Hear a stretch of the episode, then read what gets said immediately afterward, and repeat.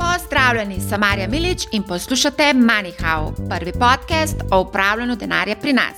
Preden gremo na današnjo vsebino, še enkrat uh, vabilo na investicijsko delavnico, ki se bo zgodila 9. decembra. Tam boste izvedeli vse, kar potrebujete vedeti, zato da pametno vlagate na borzo. Več informacij o vsebini na businessspace.com, pošiljka webcast, povezavo objavim tudi v opisu epizode. Gremo na vsebino. Danes bomo govorili o nepremičninah, cene stanovanj in hiš letijo v nebo, koliko časa še se bodo cene krepile, kdo so kupci, kdo gradi danes, torej kaj se dogaja na trgu nepremičnin. O tem se bom pogovarjala z Alešem Provškom, vodjom sektorja za trg nepremičnin na geodetski upravi in Andražem Briljem, ki je ocenjevalec vrednosti nepremičnin pri Capital Genetics in smo ga že kar nekajkrat gostili. Zdravo obema. Zdravo. Živijo, Marja. Predlagam, da gremo najprej pokomentirati aktualno stanje, kaj torej kažejo statistike, gospod Perovšek. V letošnjem letu smo priča najvišji rasti eh, cen stanovanjskih nepremičnin na ravni države od časov pred krizo leta 2008. In sicer cene rastejo predvsem na račun eh, porasta cen v največjih mestih, razen Ljubljane. V Kopru, Mariboru, Celju in Kranju so cene v prvem poletju eh, letošnjega leta zrasle za 10-12 odstotkov, eh, v Ljubljani pa v narekovajih le za 6 odstotkov. Namreč Ljubljana je zmeraj nekoliko v prednosti, se pravi, narekuje trende prometa in cen nepremičnin v Sloveniji, in največjo uh, rast smo imeli v Ljubljani že leta 2018 in sicer so na letni ravni cene stanovanjskih nepremičnin zrasle takrat za približno 15%. To so kar nori odstotki. Tudi mi, ko smo gledali te podatke, smo pač zračunali, da je v zadnjih petih letih, se pravi v petletnem obdobju, so cene v Ljubljani, konkretno rabljenih stanovanj, poskočile za 60 odstotkov. To je kar velik skok. Ja, to je velik skok. Ampak moramo vedeti, da seveda te cene, eh, od obrata cen leta 2015, ne, v bistvu te, te cene se računajo na to osnovo, ki je bila prač, ko je bilo doseženo dno po krizi leta 2008, je bilo doseženo dno šele v letu 2014, cenovno dno. Ne, in na to dno, seveda, so se cene, ja, da tako rečem, zelo povišale. Ne. Ampak, veste, to, to vsem pomeni, ne, da recimo cenovni vrh iz leta 2008 je bil nominalno dosežen v Ljubljani, če govorimo, ne, pa pravzaprav na, na nivoju cele države, šele lansko leto, se pravi v letu 2020. Če pa gledamo zadeve uh, realno, se pravi, če upoštevamo še inflacijo, ki je pravzaprav. Za to 13-letno obdobje, tudi kar nekaj ne nese, čeprav je bila zelo nizka, ne, smo pa šele letos uh, na, na nivojih cen iz leta 2008. Tako drastično, kot zgleda, spet ni. Ne? Ja, za marsikoga, ki stanovanje kupuje, je to kar precej drastično, so cene kar precej visoke. Andraž, ti v bistvu kot ocenjevalec vrednosti nepremičnin, moraš biti stalno v stiku s trgom nepremičnin. Kako ti vidiš situacijo na trgu nepremičnin? No, tako kot je gospod Pravšek že povedal, ne, od leta 2013-2014 uh, se je začela ta uh, divja rast, eksponentna rast uh, cen samih nepremičnin, ki se nekako še ni uh, ustavila. Je res, da smo dosegli vrh v letu 2018, po moje, te eksponentne rasti, oziroma ki je bila več kot dvomestna. Uh, zadnji podatki že kažejo, oziroma že malo nakazujejo, da se ta trg nekako bolj stabilizira, da ni več te eksponentne rasti. Uh, Mi se vsakodnevno srečujemo z novimi kupoprodajnimi pogodbami in smo vedno presenečeni, po kakšnih cenah ljudje kupujejo stanovanja. Praktično se to spreminja iz meseca v mesec. Enostavno podatki, ki jih imamo, ki jih prejemamo iz geodetske uprave o upravljenih transakcijah, če so stari več kot en mesec, praktično že ne odražajo več stanja na samem trgu. Ljudje so nekako obupani in tudi, ko mi z njimi govorimo, ne pravimo, zakaj ste kupili po tako visoki ceni, pravijo, se nimamo nič, nič za kupiti na trgu in pač moramo nekaj kupiti uh, ali iz investicijskega razloga, ali ker se bojimo inflacije, ali pa iz praktično zadovoljevanja potreb po, po stanovanju. In uh, na trgu je po pomankanju ponudbe uh, res zaznati pač precejšnje anomalije, kar se tiče prodajnih cen.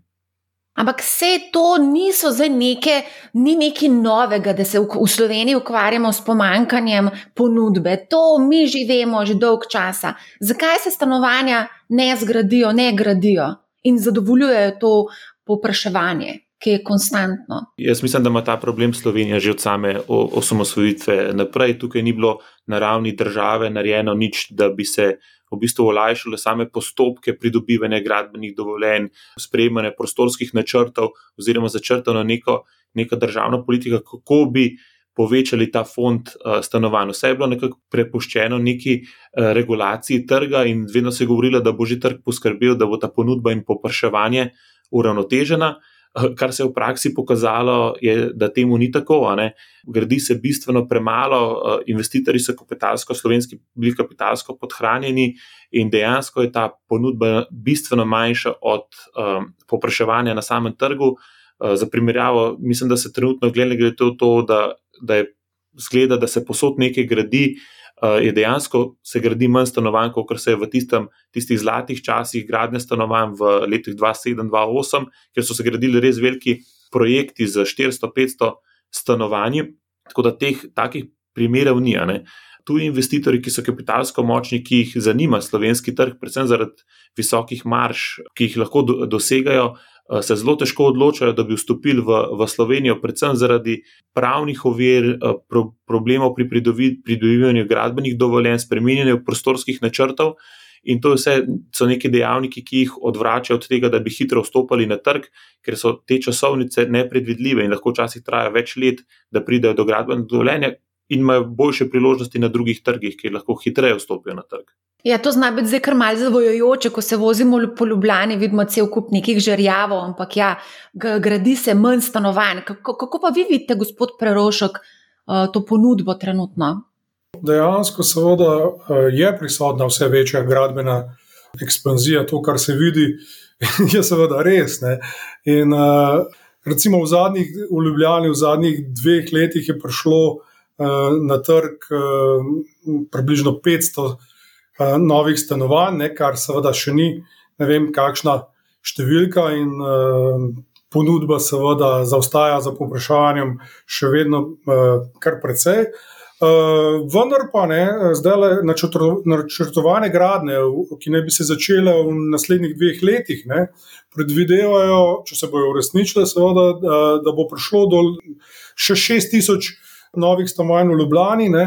Do konca leta 2026 ne bi prišla na trg, s tem, da se tudi zdaj, že v tem trenutku, približno 1500 stanovanj je, je v gradni. Ne. To pa že niso tako zanemrljive številke. Ne. Tako da slej, kot prej, ne, seveda skupaj z, z rastjo cen, ne, bo ponudba vendarle presegla plačilno sposobno popraševanje, in potem bo najbrž tudi prišlo do umiritve rasti cen.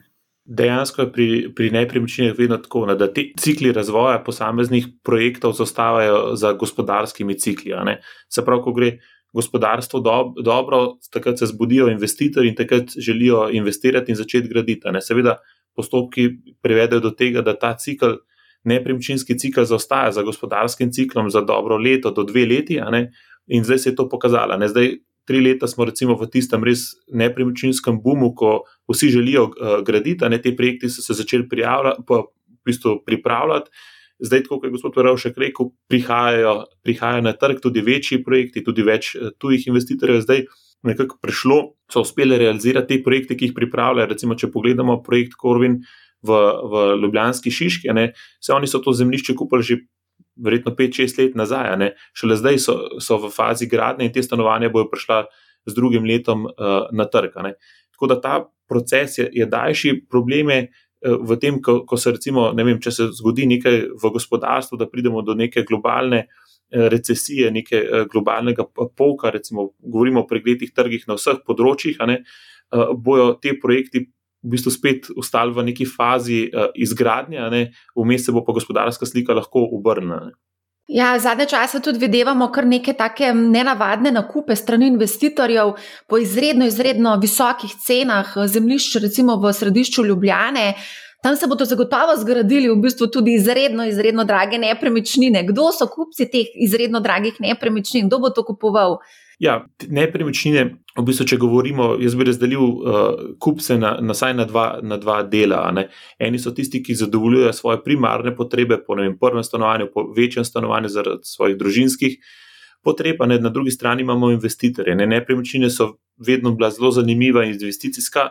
Uh, investicijski segment za, za investitorje. Investitorji vidijo nepremičnine kot zelo stabilno in, in dolgoročno uh, naložbo, bo, uh, katera bo zagotavljala nek donos in pa seveda tudi kapitalsko rast na, na dolgi rok. Zato so tukaj zelo velik interes po nakupu nepremičnin.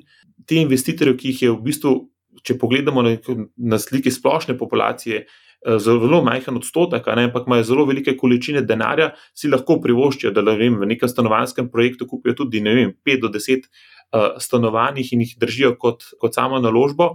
In računajo, če kupijo stanovanje v središču mesta, računajo, da bo ta padec kljub neki krizi v nekem dolgem obdobju. Zelo stabilen in so pripravljeni ponuditi tudi zelo visoko ceno za res neko premium lokacijo. Ja, ampak kakšni so pa potem donosi iz oddaje te nepremičnine? ob tako visokih cenah, če je že strošek nakupa izredno, mislim, kaj je tukaj logika, ne razumem.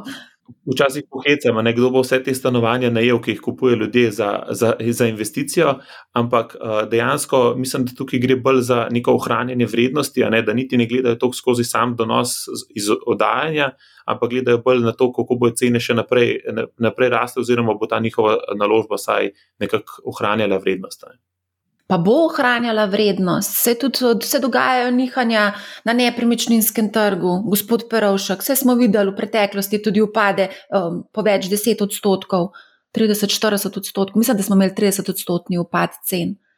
Uh, z gospodom Brilijom seveda strilam, uh, da gre, da gre za to, da, da tukaj uh, um, pač tisti, ki imajo investitorje, ki kupujejo stanovanja za naložbe, imajo v trenutno presežke denarja, ki jih nekam morajo plasirati, glede na situacijo, obrestne mere so nizke. Ne? In uh, stanovanja še zmeraj ostanejo uh, zelo uh, dober hranilec vrednosti in uh, dobra dolgoročna uh, naložba, ne glede na te nepremičninske cikle, še posebej na, na teh, bomo rekli, uh, eminentnih lokacijah, ne, kjer, kjer se večinoma tudi kupuje če pogledamo na neko daljše obdobje, ne, od leta vem, 1990, od, od osamosvojitve naprej, ne, pa pogledamo, koliko so bile vrednosti stanovanj takrat, ne, takrat smo bili, po mojem, na enih 500 evrih na kvadratni meter, ne pa kje smo danes. Če pogledamo to daljše časovno obdobje, vidimo, da je zelo premo sorazmerno rast gibanja cen stanovanj z bruto domačim proizvodom. Tako da dolgoročno, če imate le možnost, da, da držite stanovanje, da ne, nimate likvidnostnih težav, pa da bi ga mogli v nekem negativnem ciklu, a ne se pravi, takrat, ko so med leti 2008 in 2014, ko so padli 30%, če niste rabili takrat prodajati, ste zdaj že prišli na, na isti nivo in ne, enostavno ste ohranili neko, neko vrednost, ki ste takrat merali. Se pa, se pa z donosom uh, zelo redki ukvarjajo, bolj, bolj gledajo, recimo, da poplačujejo neko financiranje, pa Eh, računajo predvsem na rast uh, cen stanovanj. Ja, ponovadi, ker zamahnejo z roko, pa reče, ah, se vse bo ostalo otrokom.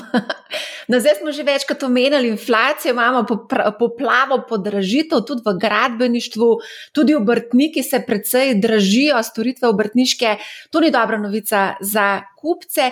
Konec koncev pa zna predstavljati tudi težavo za marsikaterega investitorja, ki se je mogoče lahko tudi zaciklal. Ali se lahko zgodi scenarij eh, iz leta 2007, ko, ko so številni gradbinci potem šli v stečaj? Mi, ko, ko, ko smo na terenu in opažamo, se že dogajajo taki, taki primeri.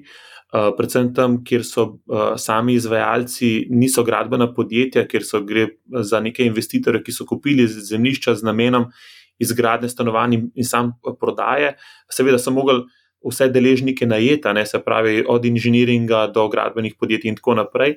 Enostavno so se ob teh podražitvah in na lokacijah, kjer ne, ni velike prime, se pravi, govorimo na lokacijah, ki so izven Ljubljana, izven teh visokih središč, se že dogaja, da enostavno ne more projekta uh, zdaj speljati uh, do konca in iščejo neke rešitve. Seveda, tukaj gre po eni strani, če si ti ne veš, investitor, ne, te začnejo gradbinci uh, stiskati ne, in dvigovati uh, cene, in ti enostavno uh, ne prideš več svojo kalkulacijo čez, in potem ti ponovadi gradbinci prevzamejo tak projekt in ga sami dokončajo.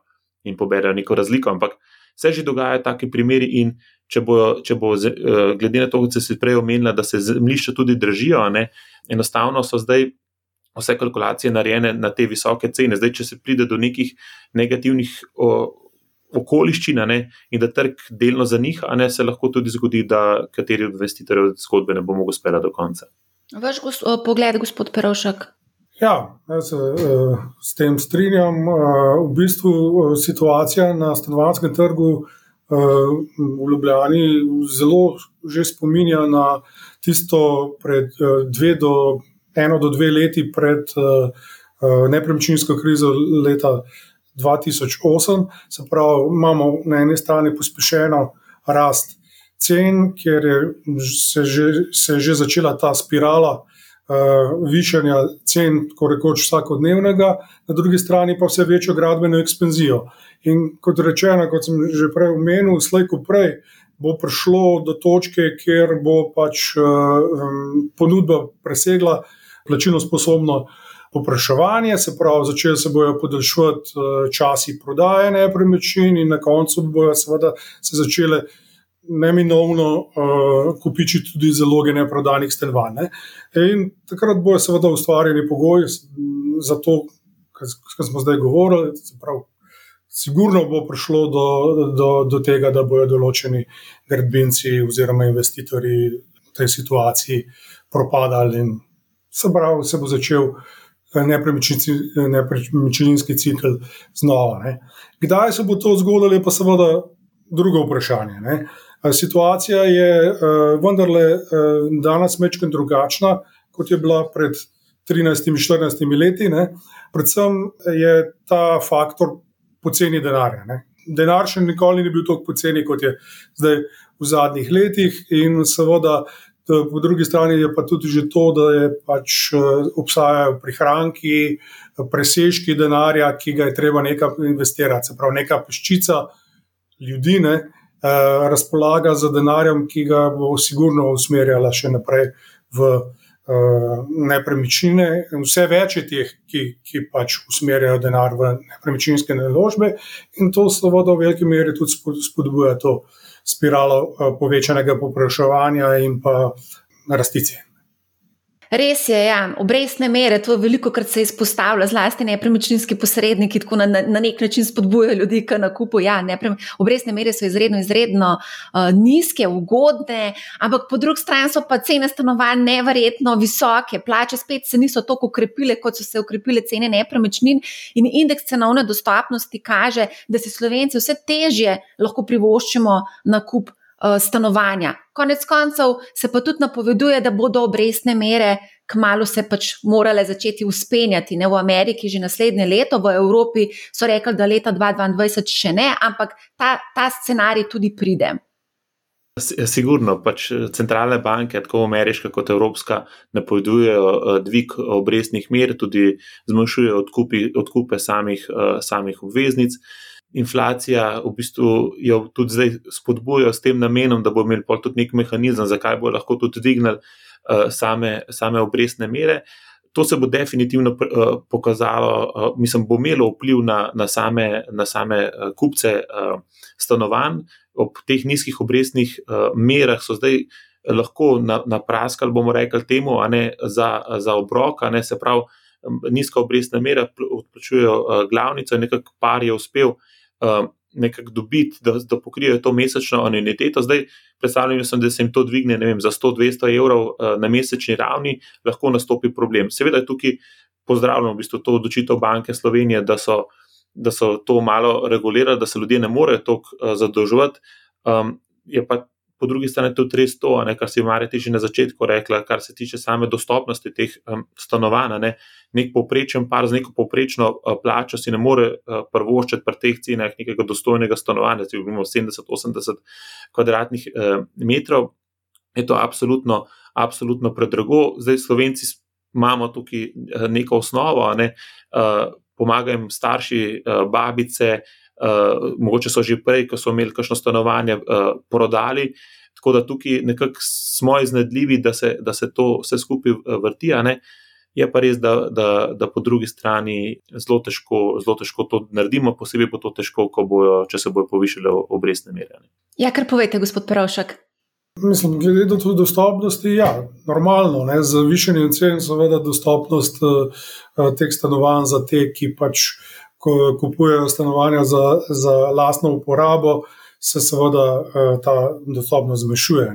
To velja sicer za celo državo. Ne, ampak uh, treba je pa vedeti, da so zelo velike uh, razlike v Sloveniji med, med območji države. Zdaj mi v glavnem govorimo o Ljubljani, ne, tukaj dejansko uh, je za, bomo rekli, normalno, normalnega človeka že, že danes ne, ta dostopnost stanovanj zelo, zelo prešljiva, ne, uh, oziroma je zelo majhna. Uh, Dočem po drugih uh, krajih države, dobro, razen Eh, obale, kjer je spet svoja zgodba. Ne? Ampak v Mariboru, celju, v drugih mestih je pa seveda ta dostopnost bistveno večja. Se pa seveda tudi tam s časom zmanjšuje. Ne? In zadeva torej vodi, vodi v to, da na neki stopni bo pač prišlo do ponovne krize, kjer bo potem se zadeve, se bo ta uh, rast cen sicer zaustavila ampak bi bilo pa iluzorno pričakovati, ne, da, da bo prišlo do poka nepremičninskega balona v smislu nekega drastičnega in pa takojšnjega padca cen, ne, ki ga ponavadi kar nekako pričakuje v takih eh, razmerah. Ne. Če pogledamo spet nazaj, eh, izkušnje iz prejšnje krize, ne, nepremičninskega trga. Ne, Seveda se je prav tako pričakovalo, da bo kar naenkrat padle cene, ampak se to seveda ni zgodilo. Cene so padale počasi, v nekih obdobjih so celo stagnirale, šle celo malo gor in dosegle uh, svoje dno, torej leta 2014, torej šele po šestih letih, ne, pa tudi v bistvu ta padec. Uh, ni bil tako velik, kot bi si kdo mislil. V bistvu govorimo o tem, da so se cene stanovanj v več stanovanjskih stavbah v bistvu pocenile, se pravi, za nekaj več kot med 20 in 25 odstotkov na ravni države, za hiše nekoliko več, tam 30 in več odstotkov.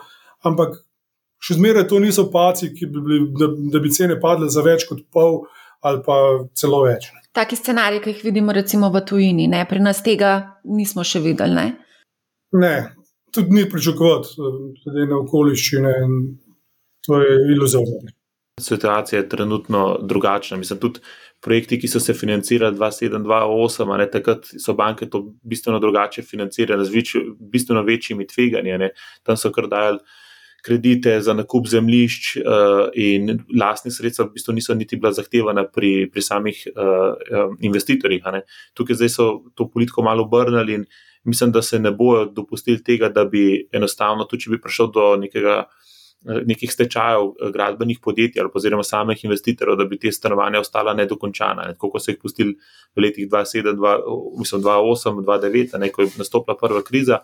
Tako da mislim, da bo ta ponudba, ki prihaja, se v vsakem primeru zgradila do konca in to bo nekako zagotavljalo neko kontinuiteto na samem uh, nepremičninskem trgu. Je pa res, da če bodo ljudje manj kreditno eh, sposobni zaradi višjih obrestnih mer, pa če bodo bolj plašni, da se bodo omaknili iz trga in začeli eh, čakati, in kot je gospod prej povedal, ne, o povečani ponudbi, ki bo neminovno prišla na trg, ker so te projekti že v pripravi, lahko to povzroči, da, da se te cene začnejo zmanjševati. Ja, v bistvu, ko smo zdaj govorili o zadolževanju in si že omenil, da se zadolžujejo cele družine za nakup enega stanovanja. To je v bistvu izredno alarmantno in da tudi banke spodbujajo, da pridejo v poslovalnice cele družine, mame, očetje, tete, strici, zato da vzamejo vsi posojilo in kupijo tisto drago nepremičnino. To konec koncev nas lahko zelo, zelo kaznuje, kajti Slovenija je stara država, demografija ni ugodna, eh, staramo, stara se populacija, pokojnine so izredno nizke in da ti s tem obremeniš svoje starše, je to v bistvu kar problem in v bistvu samo prelagamo te zadeve uh, na, na, na starše, na druge. Na, skratka, ujamemo se v nek cikl. In marsikatera družina bo se znašla v finančnih zagatah ravno zaradi tega, ker se vse cele družine zadolžujejo za nakup teh dragih nepremičnin. Ne vem, mogoče vajno mnenje o tem. Uh, mislim, mislim, da je to to. Ne? Uh, tudi, ko so zdaj, ko pomagajo pri samem nakupu, pomagajo tudi potem, ko nastopijo na težave in, do, in pomagajo, da se, da se to odplača. Teh defaultov pri fizičnih osebah je eh, izredno eh, malo, jih ni, ni veliko, dejansko se te. Uh, krediti za, za stanovanje odplačujejo, bolj je problem tam, ker kupujejo še kakšno dodatno nepremičnino z namenom investiranja in, uh, uh, in v bistvu neke presežke vlagajo v neke naložbene nepremičnine, ki jih potem teže odplačuje. Tam bolj pričakujem nek default in tam imam po pomoči strani sorodnikov ali pa prijateljev. Za tisto primarno uh, zadevo pa, pa enostavno se nekako vedno uh, stvar uredi tudi. Strani banke je zelo, zelo težko um, neko osebo vršiti ven iz, iz takega uh, stanovanja, tako da tukaj ne pričakujem nekih bistvenih, uh, nek, nekih bistvenih uh, tveganj. Je pa po drugi strani tukaj treba malo pogledati, ne, da uh, malo šir, širše, ne, da tukaj je tudi uh, neka vloga države, bi mogla biti uh, prisotna, ki, ki bi pomagala reševati te uh, stanovanske, stanovanske stiske oziroma te stanovanske uh, probleme. Enostavno smo. Je se je pokazalo, da sam trg tega ne more nekako uravnotežiti, a ne mogli bi država tukaj stopiti. Zdaj, v zadnjih vem, petih letih so naredili en korak, predvsem na najemniškem trgu. Stanovanski sklad gradi veliko število najemniških stanovanj, kar bo nekako. Uh, vsaj malo uh, regulirala, pa nekako uravnotežila ta najemniški, najemniški trg, ne, da bo bolj predvidljiv, uh, da bo bolj uh, zanesljiv, na drugi strani pa na tem nakupnem nismo kaj dosti naredili in tukaj mislim, da bo, da bo treba nek, nek korak narediti, če, če bomo hoteli imeti nekako bolj stabilen trg z neto volatilnosti. Minimalna plača je še ena zadeva, ki vpliva na našo kreditno sposobnost. Minimalna plača se je dvignila lansko letos, dviguje se tudi v prihodnjih eh, letih. Ne. 78 odstotkov minimalne plače nam mora ostati na računu vzdrževanja člane, če jih imamo, je potrebno zraven šteti tudi eh, pri izračunu kreditne sposobnosti. In konec koncev pod črto nam mora ostati, mislim, da malce čez tisočaka, če imamo zdrževanega člana eh, na računu po plačilu vseh obveznosti. Mogoče bi tukaj še eno zadevo omenila, ki sem jo opazila, ko si prej omenjal o defaultih. Um, fizična oseba bo najprej poskrbela za plačilo položnic, za streho nad glavo, odpovedala se bo vsemu drugemu, preden bo pač pustila, da banka prevzame tukaj neko vlogo ne, ali pa da, da bo dobila neke opomine od banke. Ne. Bančnik ne bo nikoli vprašal fizično osebo, kako živi potem, ko plača uh, obrok kredita. Pomembno je, da banka dobi plačilo in pomembno je, da v bistvu fizična oseba ima streho nad glavo. Zaradi tega je teh defaultov v Sloveniji tako malne. Se mi zdi, ne vem. Zdi se mi, da se pogosto to zanemarja, češ da je zelo malo defaultov, ampak nikoli se pa ne vpraša, kako človek na drugi strani živi. Ne? Definitivno je to res, pač to je tudi v sami naravi človeka, stanovanje, oziroma je neka primarna pravica, ki jo, ki jo človek ima in se bi najtežje bi odrekel, ne tudi napram uh, položaja v družbi, ali pa kako bi drugi na to gledali, če neko, nekoga vržejo na cesti in da ostane na cesti, tisto, kar bi ljudje verjetno najbolj zaznamovali. Zato so se pripravljeni res odreči marsičemu, samo zato, da zadržijo to. Uh, enostavno, ker ta najemniški trg ni bil urejen, ne, so se ljudje tudi toliko bolj odločali za same nakupe stanovanja, eh, ker enostavno neke predvidljivosti v našem najemniškem trgu ne moreš najeti stanovanja za deset let, ne, kar bi ti zagotavljalo neko daljše časovno obdobje, recimo dokler so otroci mladi, da bi bil v nekem najemnem razmerju. Ne, so se ljudje na silo odločali za nakupe stanovanj. Zato, da so lahko zadostili tem nekim primarnim potrebam za strehe nad glavo, uh, In tukaj je pol uh, ta zgodba, ki se nam v bistvu skozi ponavlja. In, uh, enostavno bodo ti ljudje, mislim, vsi bomo naredili vse, samo da ne zgubimo to, to neko to primarno pravico po, po samem bivanju. Ne. Ja, številni mladi so res v veliki, veliki stiski, ne morejo se odseliti od doma, ne morejo se osamosvojiti. Dobivamo kar veliko vprašanj mladih. Konec koncev je potrebno tudi 20 odstotkov vlastnih sredstev za nakup stanovanja in više so cene, več prihrankov je potrebno imeti. Recimo, če bi želel kupiti 200 tisoč evrov za vredno stanovanje, moraš imeti v bistvu 40 tisoč evrov prihrankov Kdo ima 40 tisoč evrov prihrankov, potem pa še zadolžiti se za 20-30 let za posojilo. Psihološko je to za marsikoga izredno, izredno težavno obdobje, ujeti so v, v bistvu v domovih svojih staršev. Gospod Perovša, kaj si pa vi mislite o tem? Vsem tem bi še rekel še to, da je uh, pri nas je tudi ta kultura, ne, uh, stanovanska, skratka, pri nas hočejo imeti. Uh, vsak hoče imeti svoje lastno stanovanje. Ne. Zdaj, to uh, reševanje stanovanskega problema z najemnimi stanovanji je pri nas praktično um, zmeri neka začasna rešitev, in vsak na koncu hoče priti do svojega. Um, stanovanja, s čimer seveda ni nič narobe in je to čist, čist normalno. Ne? Ampak treba bi bilo poskrbeti, verjetno, tudi za, za ta nek del, za, za dostopnost nekih stanovanj, za potrebe lastno uporabo, ne, tudi na, na trgu. Zdaj, to, kako, to, kako bi lahko tukaj država kaj naredila, verjetno je to stvar. Lahko samo stvar zemljiške politike, v smislu tega, da bi se zagotovljala eh, stanovanja za gradno, tudi za tako gradno, se pravi, recimo v smislu nekih stanovanjskih zadrug, v katerih se že veliko pri nas govori, pa zaenkrat še niso zaživele. Ne. Eh, skratka, uh, potem je drug, druga zadeva, je seveda najemna stanovanja, da ne, ampak uh, tukaj je pač pa treba imeti neke socialne korektive, ne, uh, da, bojo, da bojo ljudje lahko si to prvo še vsaj, vsaj začasno. Ne. Mhm. Ja, no, zdaj, ko že omenjamo najemni trg, tudi tukaj je kar precej neznank, sploh ni nobenih statistik, analiz, pregleda trga. Veliko je v bistvu stanovanj, o katerih eh, pač enostavno lastniki ne poročajo nikomor, ne se pravi, se oddajajo uh, na črno. Da, kaj, se, kaj se pa sploh dogaja na najemnem trgu? Slišimo namreč tudi, da so cene na najemnem trgu podivjale. Mogoče tukaj, če kakšen, imate kakršne koli informacije.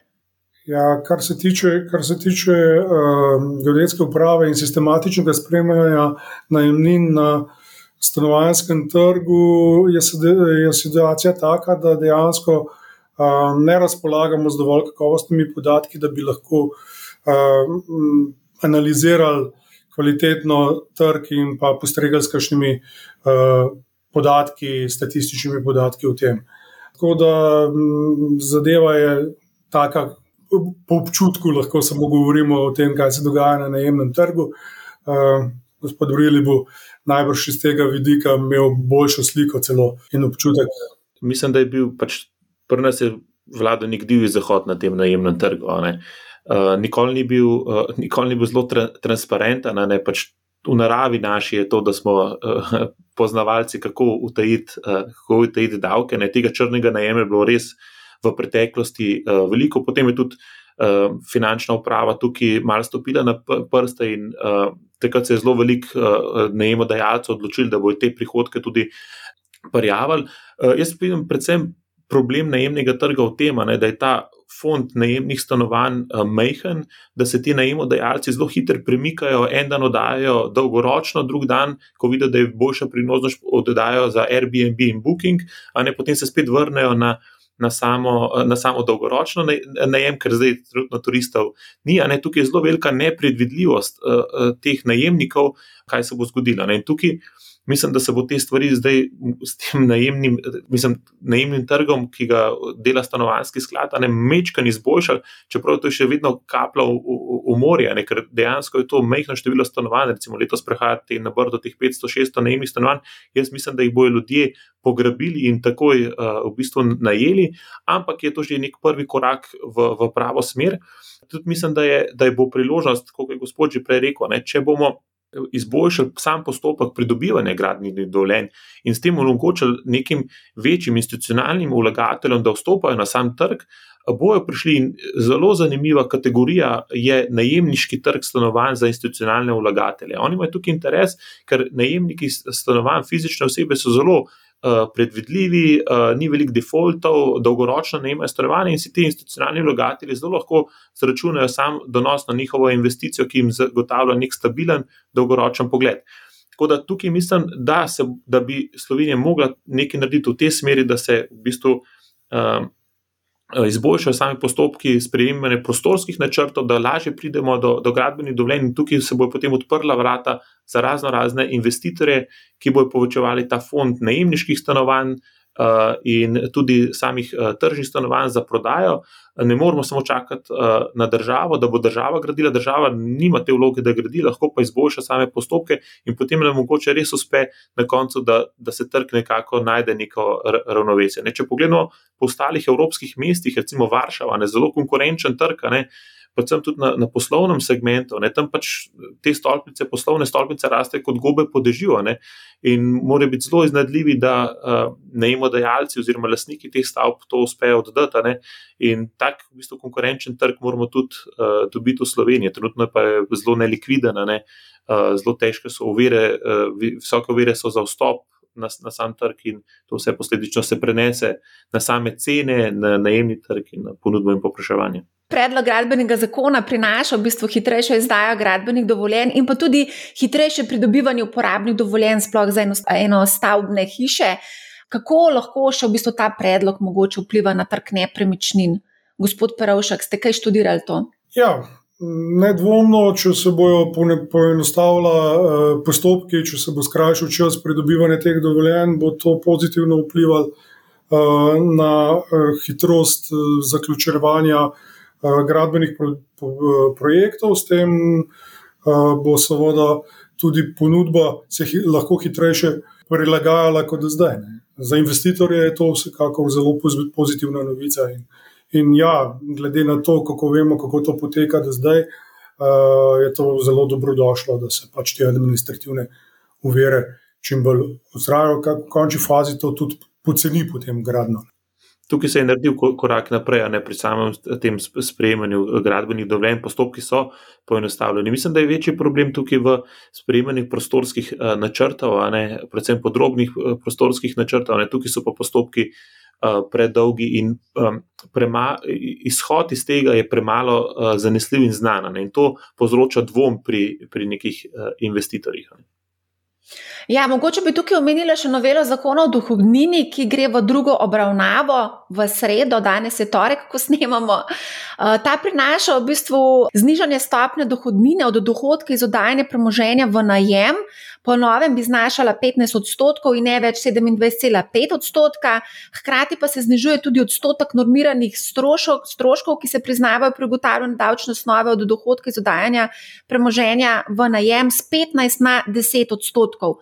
To bi znalo biti eh, zanimivo, mogoče za marsikaterega eh, investitorja ali pa za marsikoga, ki ima denar, pa ne ve, kaj s tem početi. Efektivna davčna stopnja se bo v bistvu eh, s tem, če bo sprejeto, znižala za skoraj 10 odstotnih točk, ne, kar je seveda kar znatna izboljšava. Ne. In to pomeni, da bo seveda donosnost oddajanja nepremičnin opazno narasla. Ne. Vredno bo to tudi e, spodbudil še dodatno popraševanje po naložbenih nepremičninah in seveda tudi nadaljno rast cen po eni strani. Ne. Vsekakor je pa pozitivno, e, je ta predlog, smatram, da je pozitiven, zato ker je dejansko obremenitve, davčne obremenitve vdajanja v, v najem, nepremičnino v najem pri nas so, so izredno visoke ne, in demotivirajo uh, to prijavljanje uh, in plačevanje, potem posledično davko iz tega naslova. Ne. Pripričan sem, da bi tak zakon pri, uh, tudi prepričal, kar, oziroma motiviral kar velik del teh, ki zdaj vdajajo nekako na sivo, uh, da bi se. Da bi se odločili, da zadeve začnejo legalno, regularno uh, oddajati. Uh, tudi mislim, da bi uh, lahko prihodek iz naslova, absoluten prihodek iz naslova tega uh, davkov, uh, neutraliziral pač znižanje samo davčne stopnje. Ja, marsikdo bi rekel, da gre za predvolilni bombonček. Ta predlog, oziroma ta novela zakona o dohodnini, ki prinaša tako razbremenitev dohodkov iz dela, kot seveda iz kapitala. Vprašanje pa je, ali je v bistvu to vzdržno, kajti država Slovenija je izredno zadolžena in vprašanje, če si lahko v bistvu privoščimo takšno znižanje davkov. Andraš, mogoče še tvoje mnenje? No, v, nepremičninskem davku se res pogovarjamo že zelo dolgo. Zdaj ta znižanje uh, davka na dobiček iz, iz najemnina ne, je, se strinjam, je, je koristena, ne bo mogoče ljudem, lih to, kar sem prej govoril, o tem črnem najemu, ne bo marsikoga prepričati, da mogoče se pa vsem je dobro, da, da ne živijo skozi prekršku, pa da plačajo neke, neke davke. A se gremo dotakniti še večkrat transakcij. Zelo natančno smo opazovali transakcije iz meseca v mesec, kaj se je dogajalo po uh, marcu 2020, ko je pač udarila korona kriza. Pa me zanima, kaj ste vi opazili, ko gledate mesečno, spremljate podatke um, o transakcijah.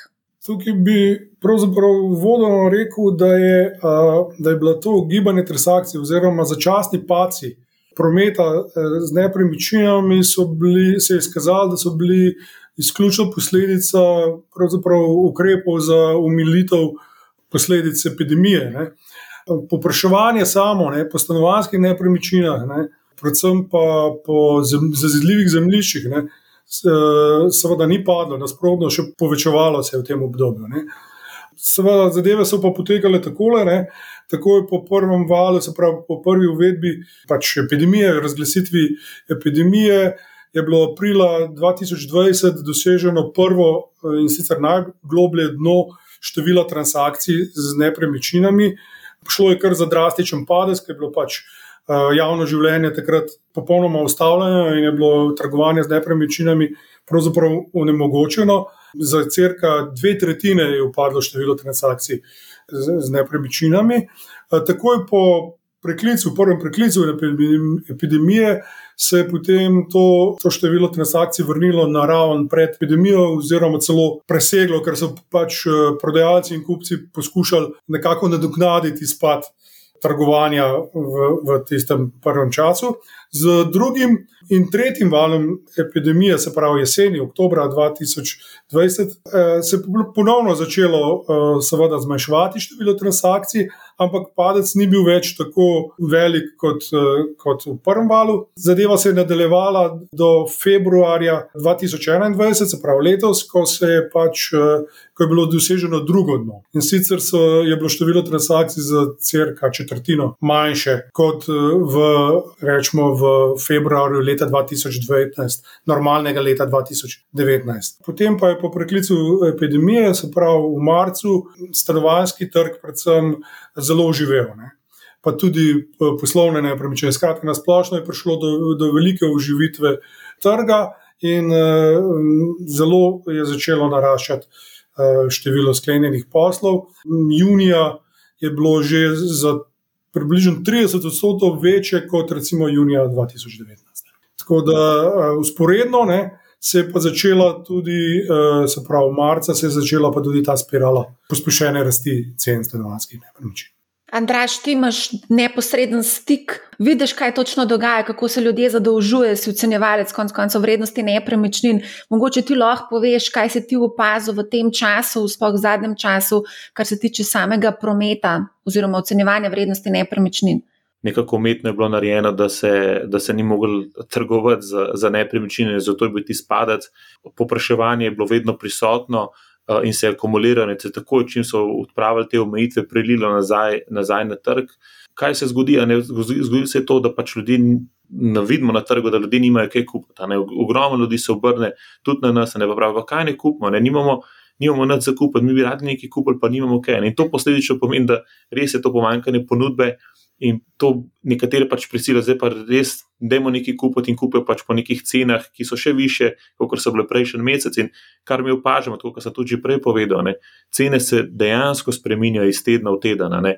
Tisto stanovanje, ki smo ga mogoče ocenjevali vem, pred enim mesecem v istem bloku, ne, je zdaj lahko tudi 20% dražje, dražje prodane. Zato, ker pač nekdo se je pač odločil, da ima dosto vsega, da ne bo več čakal in gre v nakup uh, stanovanja. Veliko ljudi, veliko zgodb slišimo, ko ljudje so v bistvu kupovali stanovanje, recimo, če gledamo neko obdobje treh let, ne, in ko so začeli kupovati, so rekli, da so cene visoke, bi mal še počakali, mogoče bo pa kaj novega prišlo na trg. Ne, in potem ugotovili čez par mesecev, da so cene še više, ne, pa da je še manj zakupati, ne pa se reče, no, mogoče bo pa zdaj pa res padalo. Ne?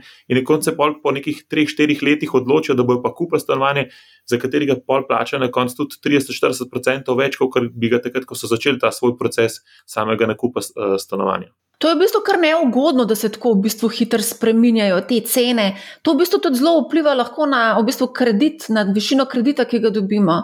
A dobivate ocenjevalce vrednosti nepremičnin, kakšne prošnje po malo bolj normalni cenitvi, če lahko tako rečem? Mislim, te, te, te prošnje so seveda vedno, vedno prisotne, zdaj pač temu se izogibamo. Predvsem je tukaj veliko eh, bilo narejeno strani samih bank, ne, mi smo eh, zelo pod eh, velikim nadzorom. Ne, včasih je bil je res ta uh, ocenjevanje vrednosti bolj manj regulirano, oziroma manj nadzirano.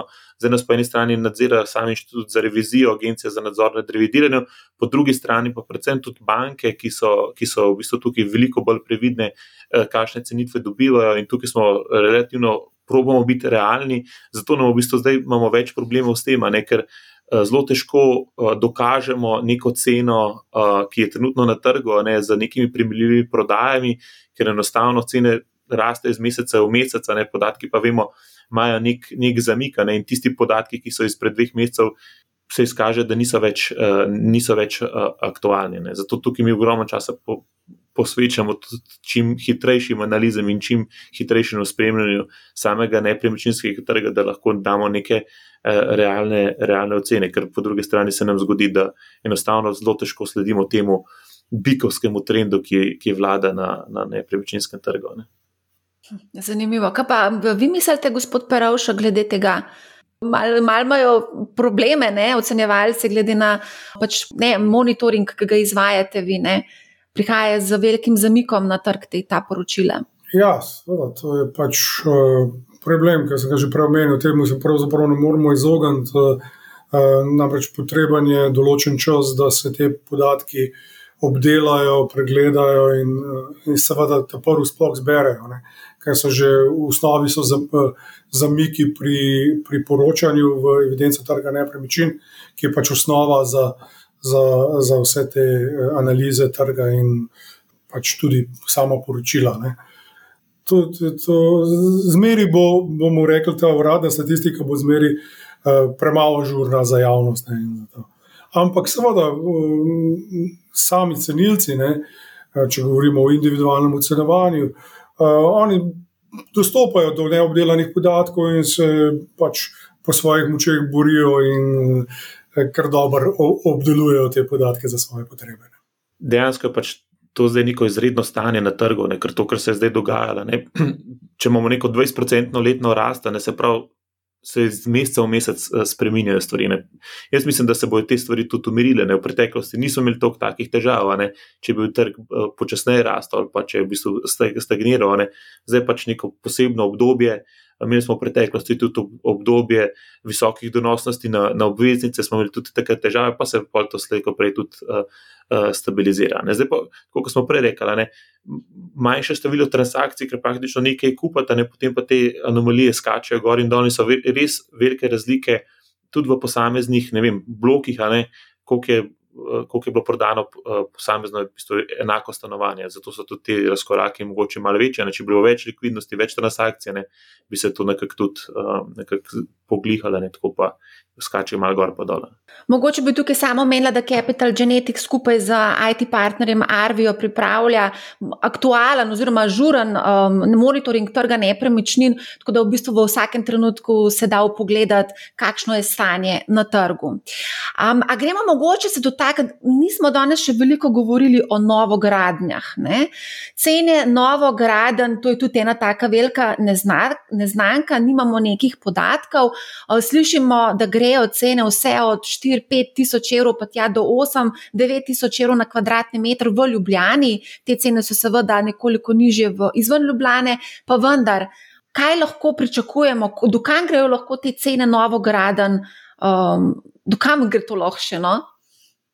Ker zdaj, če upoštevamo tudi recimo, um, te uh, stroške obrtnikov, ne, to se vse zdaj precej, uh, so se povišali ti stroški, oziroma cene so kar precej narasle.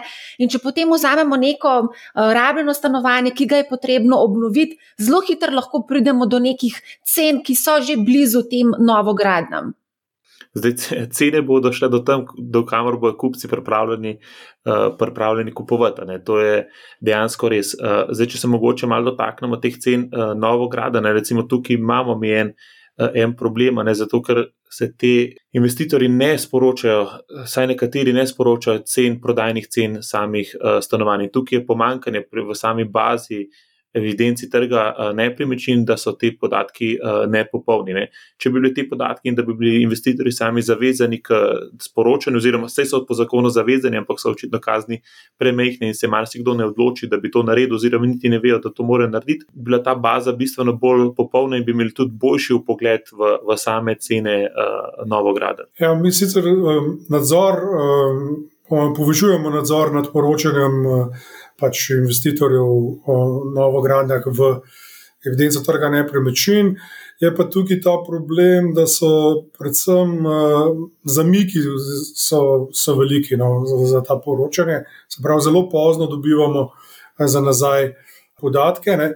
Tako da uh, ja, je problem, ker je teh podatkov relativno malo. Nasploh pa je, uh, kar se tiče novograden, uh, ta problem permanentno prisoten. Namreč še posebej v obdobjih, ko, ko pa novogradnje praktično ni. Se pravi, govorimo recimo zdaj v obdobju od leta 2009 do 2014, praktično novogradnje ni bilo. Ne.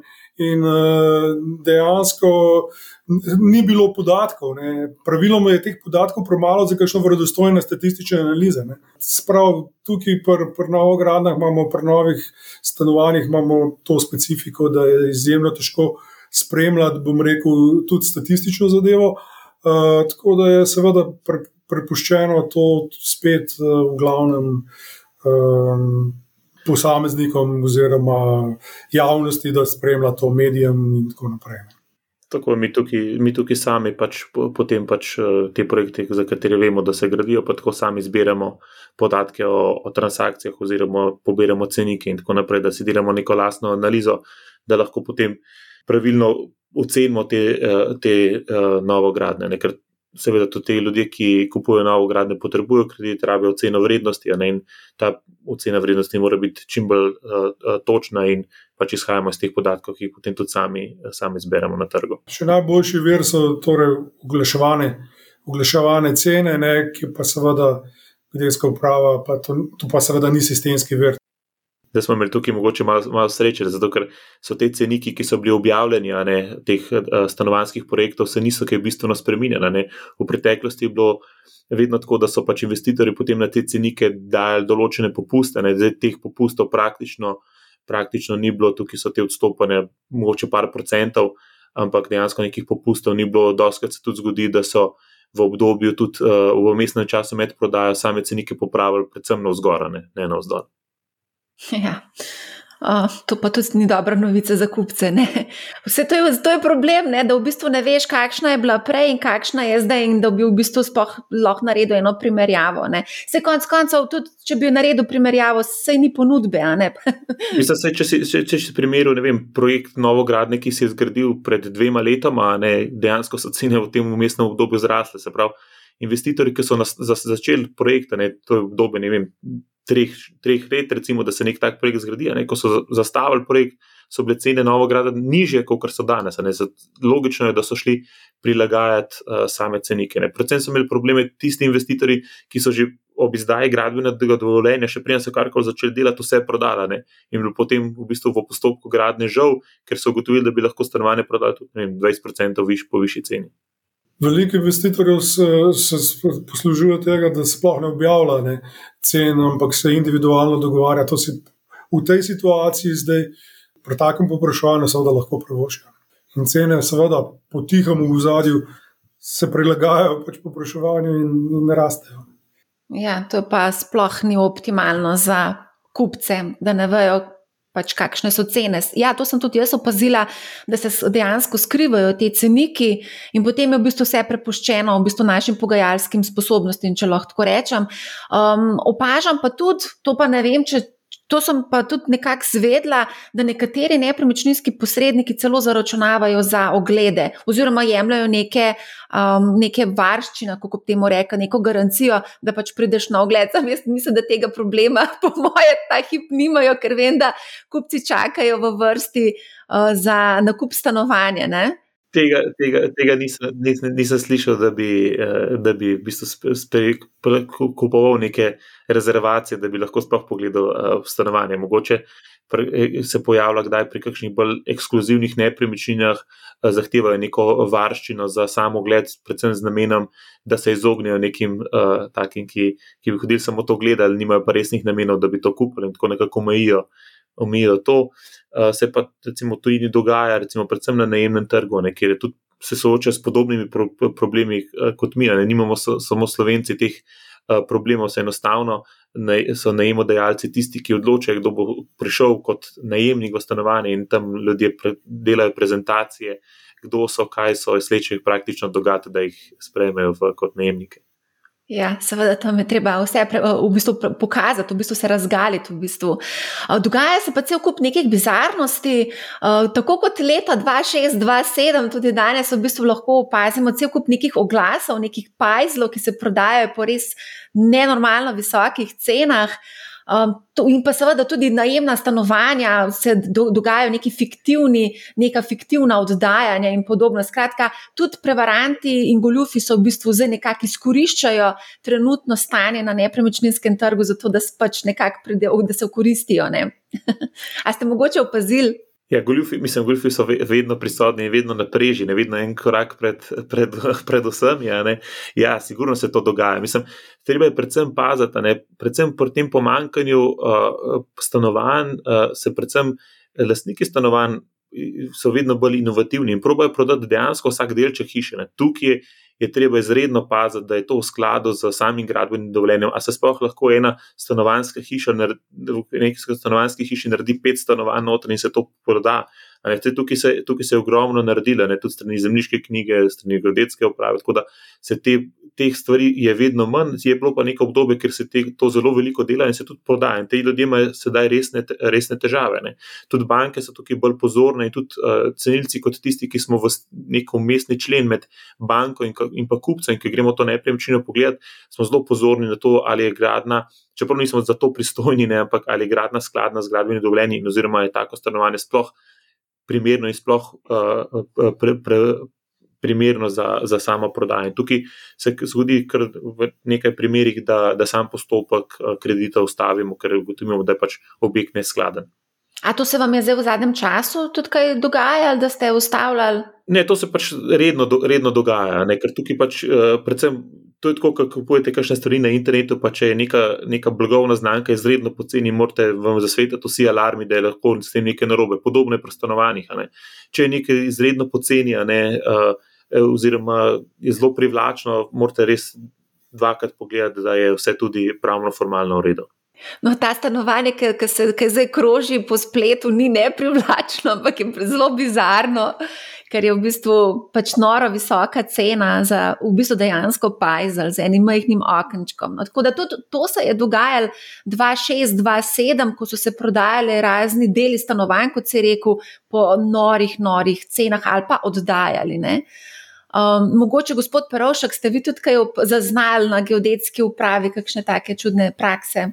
Ne, tako da bi prav sistematično to zaznali, je pa to stalno prisotno. Predvsem je to uh, za, za narekovaje goljufe uh, zelo ugoden čas, namreč uh, glede na to ogromno popraševanje, ne, veliko krat kupci, ki so ponavadi neizkušeni, pa tudi uh, nepoznavalci zadev, ne nasedajo zadevam, tudi manj so pozorni, ne, oziroma so sprejeti.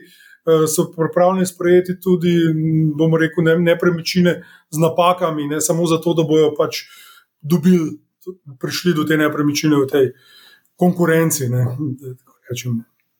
tega, tega, tega, sigurno je zdaj uh, veliko in je treba biti zelo pozoren, zelo dober. Je. Včasih dobiš vtis, da ljudje kupujejo stanovanja, kot žemelce. Ne. Mislim, pa je večkrat razlike, ne, seveda. In se lahko to tudi življenjsko zgrešene uh, odločitve. Ne. Predvsem, se, predvsem vsi mislimo, da vse vemo, ne, tudi na nepremičninskem področju. Ne. V bistvu vsi mislimo, da smo zelo dobri poznavalci nepremičninskega trga, eh, same eh, transakcije in prodaje. Tako da tukaj je ogromno stvari, uh, treba pogledati pri samem nakupu, uh, in mogoče za tisti, ki so nevešči, ne bolje, da si vzamejo nek, nekega strokovnjaka, da jim tukaj pomaga, kot pa da se sami zaletijo v nekaj, kar bo pretrto orah na koncu in uh, znajo naleteti na veliko uvero, ki jim bo problem tudi v prihodnje. Sej, načeloma oni lahko kupijo tako stanovanje, ampak ko bojo želeli prodati ali oziroma vzeti kredit, uh, bojo nastopile težave. Ne? In če je neka stvar nelikvidna in jo ne more pol na koncu prodati, ko bi želeli prodati, je praktično vredno nič. Ja, no, zdaj, ko govorimo o teh zadevah, uh, bi pa rada omenila še, ker so se gospod Perovšek pogovarjali o milijonarjih, koliko v Sloveniji imamo nepremičninskih milijonarjev, torej koliko je slovencev, ki, v bistvu v, ki imajo v lasti v skupni vrednosti milijon in evrov ali več vredna stanovanja. Um, ugotovili se na Gursu, da je takih 984, od teh je 96, katerih vrednost nepremičnin sega od 2 do 3 milijone evrov, 17 pa takšnih, ki, katerih vrednost nepremičnin seže preko 3 milijone evrov. Ko smo se pa na zadnje pogovarjali, to je bilo nekaj let, pred nekaj leti, je bila številka 800. Se pravi, je zrasla tudi število nepremičninskih milijonarjev, v skladu z rastjo cen nepremičnin. Absolutno, vse to je to, kar smo že danes govorili. Ta segment je teh, ki kupujejo stanovanja za naložbe, sicer majhen, ne, relativno majhen, ne, ampak se pa, se pa seveda povečuje. Ne. V tem trenutku pač je, imajo nekateri veliko denarja na razpolago in ga usmerjajo v nakupe nepremičnin, in s tem seveda to število teh, ki imajo milijonske vrednosti v nepremičninah, raste. Nasploh pa seveda je v Sloveniji večina premoženja slovencev v nepremičninah, tako in tako. Ne. Eni jih uporabljajo za sebe, ne, in tisti težko presežejo uh, milijonsko vrednost nepremičnin, da ona še zmeri. To so pa lastniki, ki pač uh, imajo naložbene nepremičnine, ki pač vdajo in tako naprej. Uh, in sicer gre tukaj zanimivo za fizične osebe, v glavnem, ne, zato ker pač naš, naš trg je stanovanski, je v domeni fizičnih oseb, ne, recimo te uh, institucionalnih, institucionalnih investitorjev, ki bi nalagali v nepremičnine, je pri nas še zmeraj relativno malo in kot je gospod Brili rekel že prej. Eh, je tukaj en velik prostor, kjer, kjer bi lahko se eh, en način za, za zagotavljanje dostopnosti stanovanj, ne, najemnih stanovanj. Če bi se ta, vse se povečuje, v bistvu ta, ta delež, ne, zmeraj več je eh, institucionalnih investitorjev, ki tudi pač kupujejo stanovanja oziroma investirajo v stanovanja za, to, za kasnejšo vodajo, dolgoročno tako kot druge po, po svetu, ne, tudi pri nas prihaja do neke koncentracije kapitala v rokah peščice ljudi. Ne, in to je tudi vedno bolj izrazito, tudi, uh, tudi pri nas, tudi če pogledamo te depozite, ki jih imamo Slovenci na, na bankah, ne, ki jih imamo vem, čez 25 milijard. Ne, če bi to pogledali, kako je to sestavljeno, vidimo, da, da teh 25 milijard ni enakovredno razpršeno med, med slovenci, ampak da je to zelo skoncentrirano na vrhu in da ima praktično večino tega premoženja v roku peščica, peščica ljudi. In ta peščica ljudi poganja ta trg. Tudi iz prakse vidimo, da določeni ljudje pač kupujejo po, v novogradnjah tudi po pet stanovanj in to v vsaki no, novogradni, če, če rede lahko. Tako da teh, te številke ne presenečajo, da imamo vedno več teh milijonarjev, se mi pa zdi, da bo to vsem v domeni peščice, ne to, kar je tudi gospod povedal, ne, peščice ljudi, ki bojo to kupovali kot, uh, kot ta naložbeni, naložbeni segment. Ne. In tisti, ki že zdaj ne morejo, pa zdaj težko naredijo, bojo vedno težje. Ne. In tukaj bo, bo treba, v bistvu, bo se ti ljudje pa preusmeriti predvsem v najeme, ker enostavno ne bojo več mogli zbrati tudi za, za, za polog samega stanovanja. Opazila sem pa tudi, glede na to, da imamo res eh, balone na številnih eh, naložbenih trgih, tudi v kriptu, smo videli Bitcoin že pri 67 tisoč uh, dolarjih. Opažam, da številni kriptomilionari nekako poskušajo prekanalizirati ta denar v nepremičnine, tudi uh, gradijo nepremičnine, kupujajo nepremičnine, ne samo pri nas, tudi uh, pri sosedih na Hrvaškem, tudi v druge v tujini. Tako da, ja, tudi verjetno se v bistvu del tega premoženja, ki, so, ki je bilo ustvarjeno na drugih kapitalskih trgih ali pa na kriptu, nekako seli v nepremičnine. Ki, za katere se pa vseeno smatra, da je veliko bolj uh, stabilna in varna naložba, kot pa um, katerakoli druga, ne trenutno. Tako, ne, ne glede, da so te, eh, ki se ukvarjajo s kriptovalutami, ki so res naredili eh, v izredno kratkem času zelo velike, zelo velike uh, dobičke, ne zelo prepričani v samo uh, vrednost uh, kriptovalut in, in, in tega starega segmenta, se zavedajo, da tukaj obstajajo velika tveganja po veliki volatilnosti teh tečajev, da lahko praktično čez noč uh, fiktivno izgubijo uh, veliko količino denarja, zato se preliva definitivno uh, del tega premoženja v neke bolj stabilne um, um, naložbene skupine. Ne. Med drugim so tudi tukaj nepremičnine, ja, ukvarjajo se z, in s kupovanjem hotelov, in s uh, izgradnjo stanovanjskih nepremičnin, in kupovanjem stanovanj. Jaz pravim, da tisti. Te, ki ki, ki so v bistvu veliko zaslužili v, v kripto svetu, so največ naredili s tem, da so pač to premoženje prekanalizira v neke druge in imajo s tem bolj neko osnovo, s katero lahko gradijo naprej. Ja, predvsem pa eh, lažje spijo, verjetno, glede na vsa nihanja, ki so na kriptotrgu. Mogoče bi za konec, gospod Perovšek, samo še dotaknil se množičnega vrednotenja. Kaj je zdaj s tem? Se množično vrednotijo nepremičnine ali se to zdaj malo ustavili? Zdaj, za, zadnje izračunane vrednosti po modelih množičnega vrednotenja, se pravi pospešene vrednosti nepremičnin, ki so javno uh, objavljene, uh, so na stanje trga uh, 31.3.2017, se pravi, imajo že kar dolgo brado. Na, na geodetski upravi smo izračunali nove vrednosti. Uh, Pospešene vrednosti nepremičnin na stanje 1.1.2020, in te naj bi bile eh, javno objavljene 1. Eh, aprila, se pravi aprila 2020, eh, vendar je vmes zgodila epidemija in za zakonodajo za umilitev posledic epidemije je bilo izkazovanje teh vrednosti. Ustavljeno, se pravi, se je začasno zadržalo in ta situacija še zmeraj traja. Seveda, v zadju na geodetski upravi eh, vrednotenje, množično vrednotenje še vedno poteka. Po zakonodaji naj bi se pač izvedlo eh, novo vrednotenje vsakič, ko se ugotovi, da stanje na trgu eh, nepremičnin ne, ne, ne ustreza več pač izračunanim vrednostim, oziroma najmanj v dveh letih. Ne. In zdaj smo mi, seveda, že ugotovili, da, da da so seveda, se cene spremenile do te mere, da bi bilo, da bi bilo treba modele vrednotenja prilagoditi.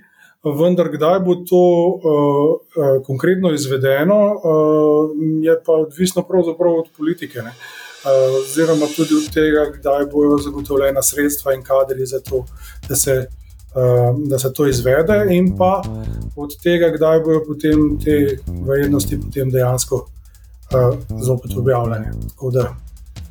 Um, super. Um, mislim, da smo več ali manj, se mi zdi, nekako pokomentirali aktualno dogajanje na trgu nepremičnin. Alež Perovšek in Andraž Brili, najlepša hvala, da ste, bila, da ste bila z nami. Hvala tudi vam za povabilo. Hvala, Marja. Toliko za danes. Če imate kakršno koli vprašanje, mi pišite na marja.afnabusinessspace.com. Ne pozabite na našo delavnico o investiranju, ki se bo zgodila 9. decembra. Vsebino preverite na www.businessspace.com, webcast, pošiljka webcast. Torej, businessspace.com, pošiljka webcast. Toliko za danes, želim vam lep dan, poslušajte manjhav, ne bo vam žal in lep pozdrav!